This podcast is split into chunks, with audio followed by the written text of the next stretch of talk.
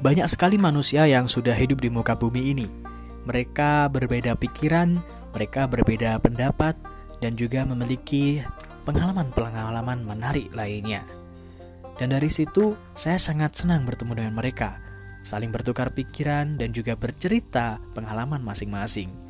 Apalagi, saya bisa menceritakannya kembali dan memberikan manfaat untuk orang lainnya. Yuk, simak terus